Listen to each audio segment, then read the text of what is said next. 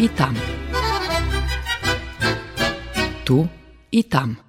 Emisija o Rusnacoch, ktorí žijú vonka zo Srbiji, ich prešlim i buducim živoce, aktualnih zbuvanjoh i međusobnih kontaktoh. Tu i tam. Dobry dzień, počitovani sluhače. U nješkajšej emisiji idzeme do Mikloševcoh, gdje je prešloho tižnja otrimani dva podiji. Perša to promocija knjiške Ahnetki Balatinac i vistava Maljunkoh Vladimira Pravčija. Mili našo Mikloševčanje i hosci, dobri večer. Witajcie na našim literaturnim večaru, z kotrim počename tohoročnu kulturnu manifestaciju Mikloševci 2020. Milo nam, že ste še odvolali na našu povolanku, že ste i u takih, dakle, pevnih obstavinoh našli času, možljivosti i hrabrosti, bud snješka z nami. Nazdavame še, že budete uživati u hviljkoh tori šlica. E, po prišickih milih nam i gostjoh me privitac predsjedateljku Sovitu Rusnacov Dubravko Rašljanin, predstavnika Rusnacov u Sovitu za nacionalni menšini tajomnika Sojuzu Zvonk Kostelnika, Milo mi, že z nami i naš Mikloševski paroh, ocec Roman Stupjak, od opštini Tompovci, od općine Tompojevce, malo i na hrvatskom, e, pozdravljam općinsku vječnicu Jelenu Kovačević, a posebno mi je drago što je s nama danas i naša ravnateljica, ravnateljica osnovne škole Čakovci, Marina Balić. Unaprijed se ispričavam, nisam se nadala evo, da ću imati goste koje ne baš razumiju rusinski, naš je program sav na, na, na rusinskom jeziku, ali evo, u buduće ćemo vama prilagoditi se, a danas ako nešto ne razumijemo, ne razumijete, sve ćemo vama prevesti. Evo, lijepo sve vas pozdravljam i hvala što ste danas među nama.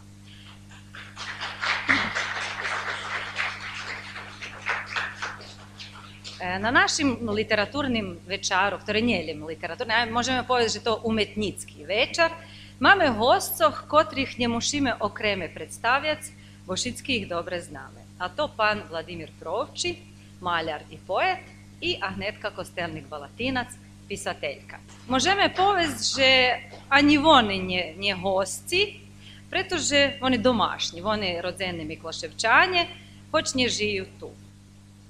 Pri koncu robotnog viku školoval še u privatnih maljarskih školov. Nješka pan Provči poznati našej ruskiej kulturi, rokami maljuje, organizuje wystawy i podobowo koloniji. U Mikluševcoh veći raz mali sme na hodu uživac u jeho vystavoch, a to možeme i Nješka. Popri toho, že maljuje, pan Vladimir piše i poeziju. Od 2014 року, kiedy вийшла його перша збірка пісньок Душа як хушля, потераз на швидше з'явили його шість поетичні збірки. Пише на русським і хорватським язику.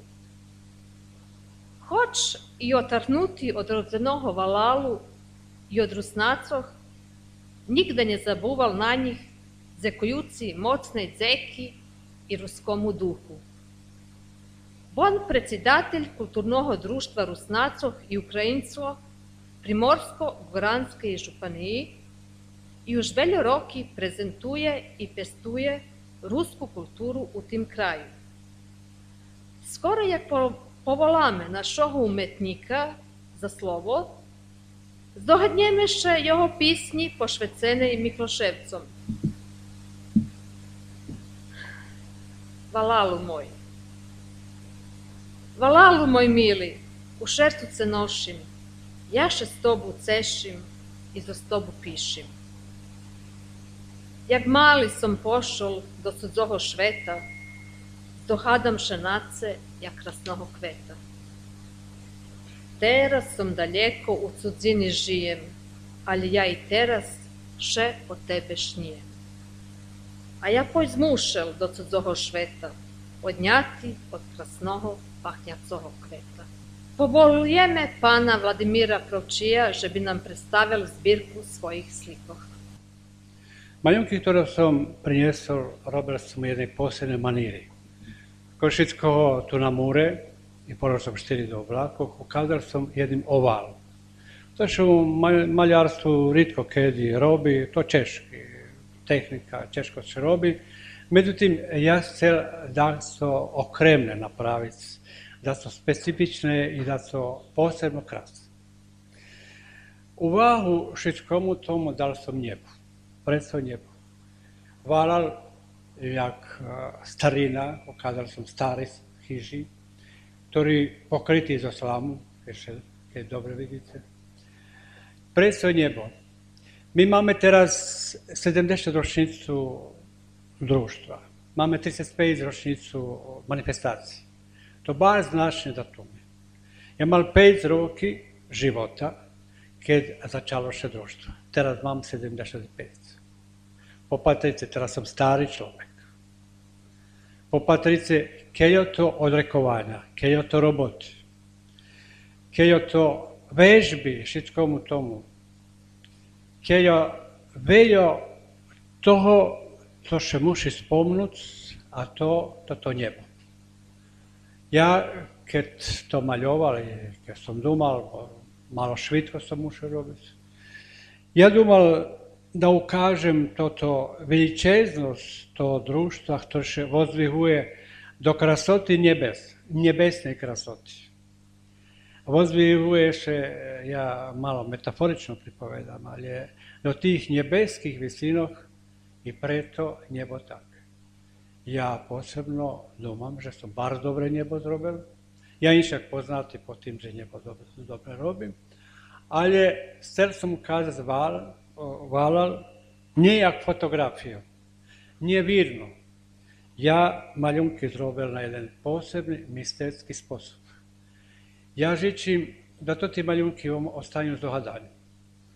To tie maľunky taky, v tej forme, na taký, taký spôsob ne uvidíte často a što ritko se vidi, to ti sliki i nje ukazoval do teraz. Čuval sam jednu ekstremnu nahodu, nje dumal sam ovdje miše da nahoda da nješka, to okažem. Ali je to jedni čarjevi maljunki, moje dumanje, čarjevi maljunki, koji zaslužuju da se za njih často dova da vidíme, že to jedna symbolika tých 70 roky roboti, i 35 roky češkej roboty. Musíte priznať, že u dneškajší čas okrem na iskore, že vše bolo ťažko robiť za družstvo. Vše. Eto, ja im vinčujem i jednu i druhú ročnicu. Ďakujem, že ste prišli i nazdávam sa, že to nebude ešte, dok som živ, že bude ešte výstavoch. Všelijak, že ďakujem svoju zrosnácov Ukrajincov, že mi umožnili na Petrovským dvonu da vykladam. To za mne velika čest. I na koncu ja za svoju maljarsku robotu u Rijeki na velike manifestacije o rodu Rijeki, međunarodne manifestacije osvojili pešu nagradu. Takže eto, ďakujem.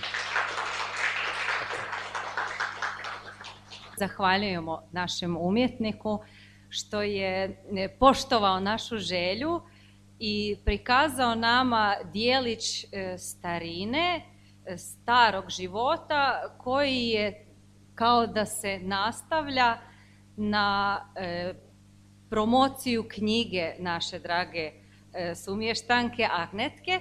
Насамперед жадам зацікова, що си ми поволали днішка вечір е, в очі tej такій значної 35-ї маніфестації Міклошевці. Е, Як пан провчив, то насправді велика рочниця – 70 років дружства, 35 років маніфестації, значить маніфестації, маніфестація на полі младша від дружства.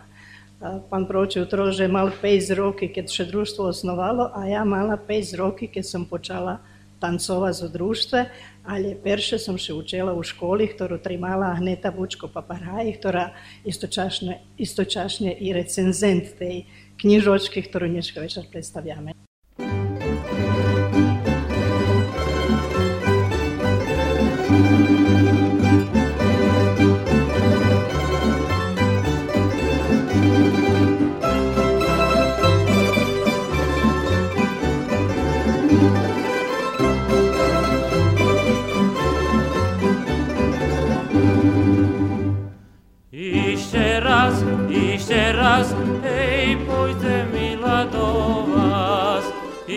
Raz, ište raz, hej, pôjdem milá do vás.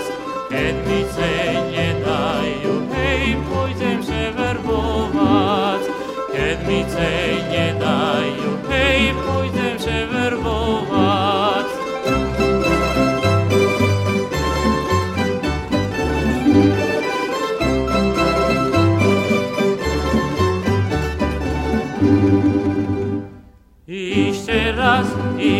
raz, hej, Twoim pripomniemy.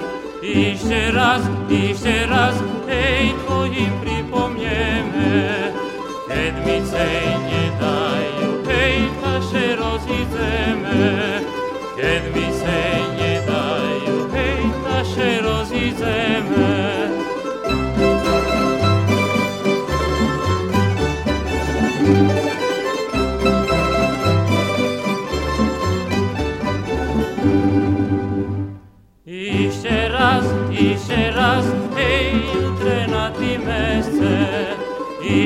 Ište raz, ište raz,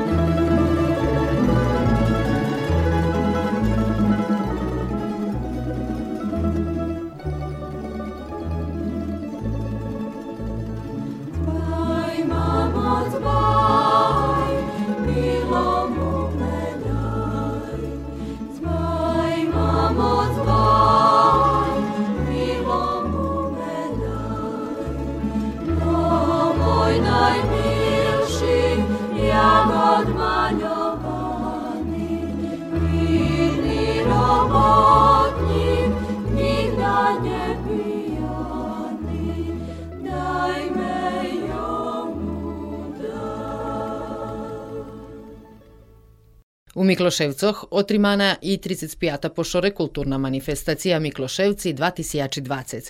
Послухајце част програми котру сме достали зекујуци колегови новинарови Звонимирови Ždinjakovi. Mili Mikloševčanje i gosti, dobri vam dzenj. Witajcie na 35. manifestaciji Mikloševci 2020, kotru organizujemy pod pokroviteljstvom Sovitu za nacionalni menšini Republiki Horvatskej i so pokroviteljstvu opštini Tompovci i Sojuzu Rusinoh u Republiki Horvatskej.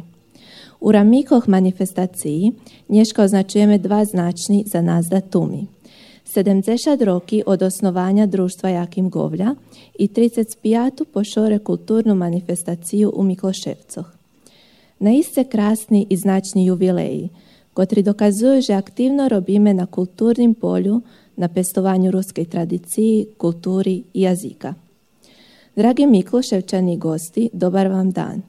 Dobrodošli na 35. kulturnu manifestaciju Mikluševci 2020 koju organiziramo pod visokim pokroviteljstvom Savjeta za nacionalne manjine Republike Hrvatske i supokroviteljstvom Saveza Rusina i općine Tompojevci. U okviru manifestacije danas obilježavamo i dva značajna za nas jubileja. 70 godina od osnivanja društva Jakim Govlja i 35. po redu kulturnu manifestaciju u Mikluševcima. Po prišitskih milih nam i značnih hosoh, Nješka medzi nami privitujeme i visokih hosoh za Sovitu za nacionalni menšini, Sojuzu Rusinoh, Ruske i radi Vukovarsko-Srimske županiji, opštini Tompovci i Bogdanovci. Pozdravljame naših panocoh i učiteljoh, predstavnikoh kulturnih društvoh, jak i medijoh i všetkých ljubiteljoh kulturi. Prijemno nam že zeljice Nješka znam i radost toho dnja. Povolujem podpredsjedateljku društva Lesiju Mudri, že bi povedla da skeljo slova. Добрий день, милі наші міклошевчані, добрий день, милі гості. Е, Evo, vypadla mi to ta čest, že bim ja vas privitala Nješka. Dziękujem predsjedateljovi, že mi to omožljivel. E, Bars nam milo, že ste še pozbirali Nješka u takim velikim čišlje, moglo bi še povest. Mikloševska manifestacija vše krašnje poprovadzena iz boku domašnjih i hostcoh, e, poneže otrimujeme u takih obstavinoh. Išće raz vam dzikujem, že merkujece na sebe, merkujece na drugih.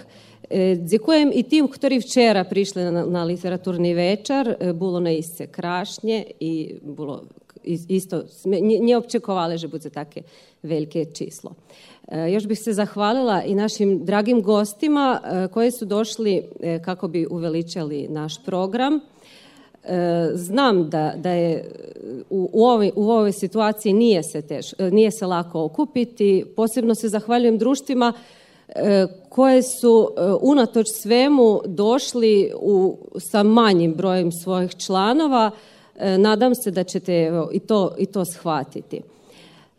Išće bim podzekovala šitskim, kotriše potrudzele, že biše to ta manifestacija otrimala, za kojem členom našog društva i šitskim, ktori potrimuju nas, E, Думам, že šitski znaju, e, pogotovo to tih, ktorí u, u društvoh, že jaka, e, jaka to robota, da co še nie widzi. To to, co prejde za godzinu, dva, a gleda bars e, veliku logistiku, E, i na iste evo musimy i im podzjekovac i ženom kotri postarali še i napravili darunki za naših hostcoh tiž velike, velike podzjekovanje.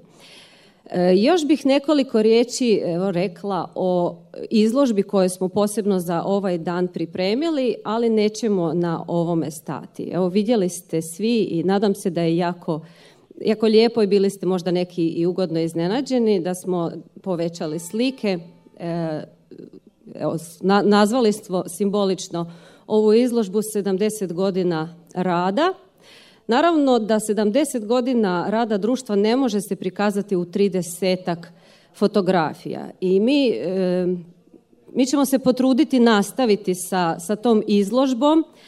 E, Ja, se, ja bih se htjela ispričati e, onima koji možda nisu na slikama, a bili su aktivni tokom ovih godina, ili njihova djeca, ili njihovi roditelji, ne znam, bake i djedove. Ako imate slike e, koje mislite da bi bile zgodne, također evo ovako uvjekovječiti za, za budućnost, za našu, našu djecu, kako bismo njima pokazali da imamo čime se ponositi, da budemo evo, gordi na, na našu prošlost i da idemo sa nadom evo, u našu budućnost. Evo, još jednom se ispričam ako smo negdje pogriješili, i u ovom programu ako je bilo nekih grešaka, grešaka još će vjerojatno ih i biti, uvijek se volim sjetiti riječi našeg velečasnog e, Joakima koji je rekao ne kasni samo onaj ko ne dođe, kad smo se ispričali, kad nismo na vrijeme došli na misu, ne kasni samo onaj koji ne dolazi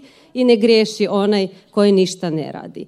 E, Evo, velečasni sa svih 40 godina rada u Mikluševcima, bio je član našeg kulturno-umjetničkog društva, uvijek je nas podržavao i evo danas bi se htjela i njemu zahvaliti na evo 70. godišnjicu našeg društva i samo bi zamolila još i, i našeg velečasnog Romana. Evo, također zahvaljujem se što ste danas s nami i hvala što također podržavate rad našeg društva i e, kako evo ćemo vama taj poklon e, za velečasnog Jakima da njemu prenesete naše pozdrave.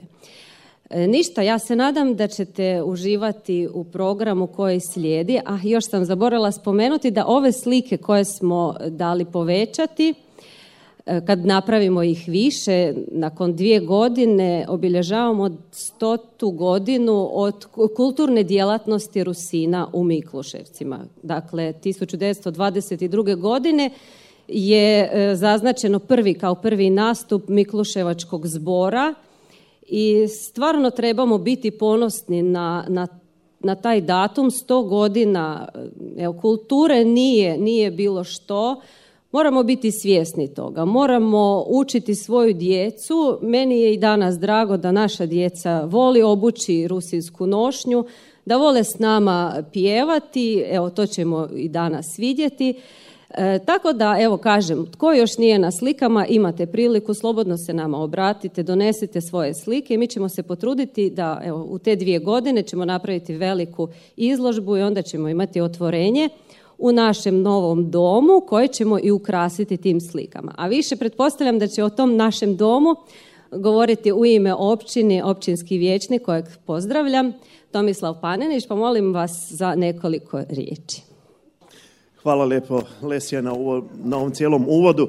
Ja, ja bih rekao prvo u ime svih, zapravo trebamo se zahvaliti dragom Bogu što imamo ovako prekrasno vrijeme. To prekrasno vrijeme zapravo je zahvala na trudu i kudu koji slavi svoju obljetnicu i koji se potrudio da ovo sve organizira i oni koji su gosti njihovi, koji su došli ovdje i žele i pred nama koliko god da nas ima malo pokazati da i od njih koliko god da ih je malo i dalje rade i pokušavaju da prenose kulturu, pogotovo onu kulturu koja pripada nacionalnoj manjini što svakako je danas e, sve što se dogodi kad je nešto malo, kad je e, teško e, održati ono, onda postane veliko. U općini Tompojevci, s obzirom da su sve mala mjesta, i ova nacionalna manjina u Mikluševcima zapravo čini čudo i uzor treba biti i nekim drugim mjestima da se ipak može organiziranošću, radom i svim pokušati održati tradiciju.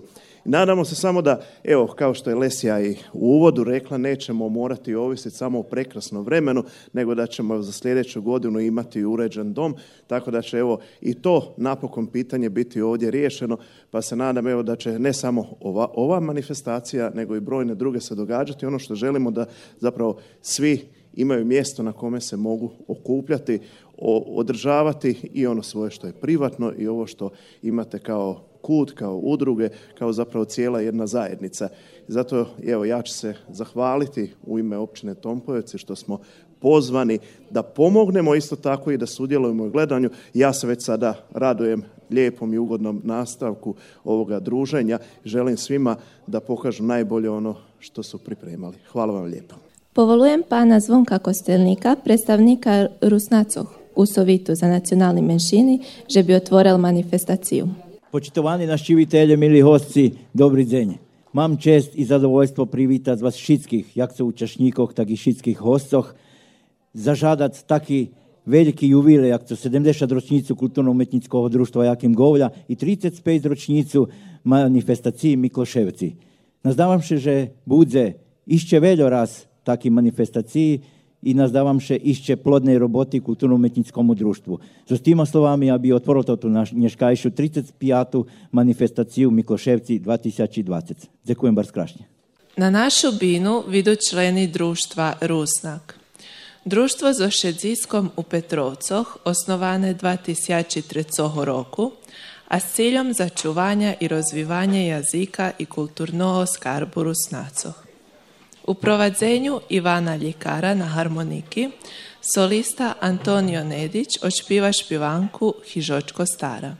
Špivacka grupa i orkestra društva Rusnak predstavlja se za, špivan, za špivankami e, Šamitaci prehodzeli i ti šuhaju šuhajičku.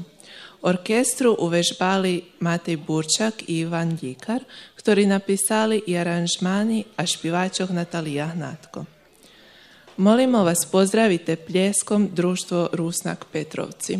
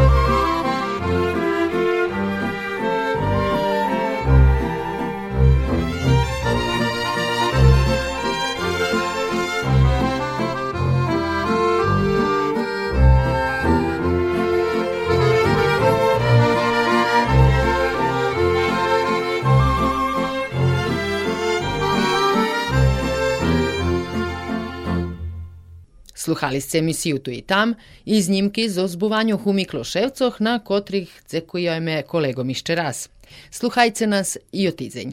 Ja Olja Homova. Do posluhanja. Tu i tam. Tu i tam. Emisija o rusnacoh, ktorí žijú vonka zo Srbiji, ich prešlim i budúcim živoce, aktualnih zbuvanjoh i medzisobných kontaktoh. Tu i tam.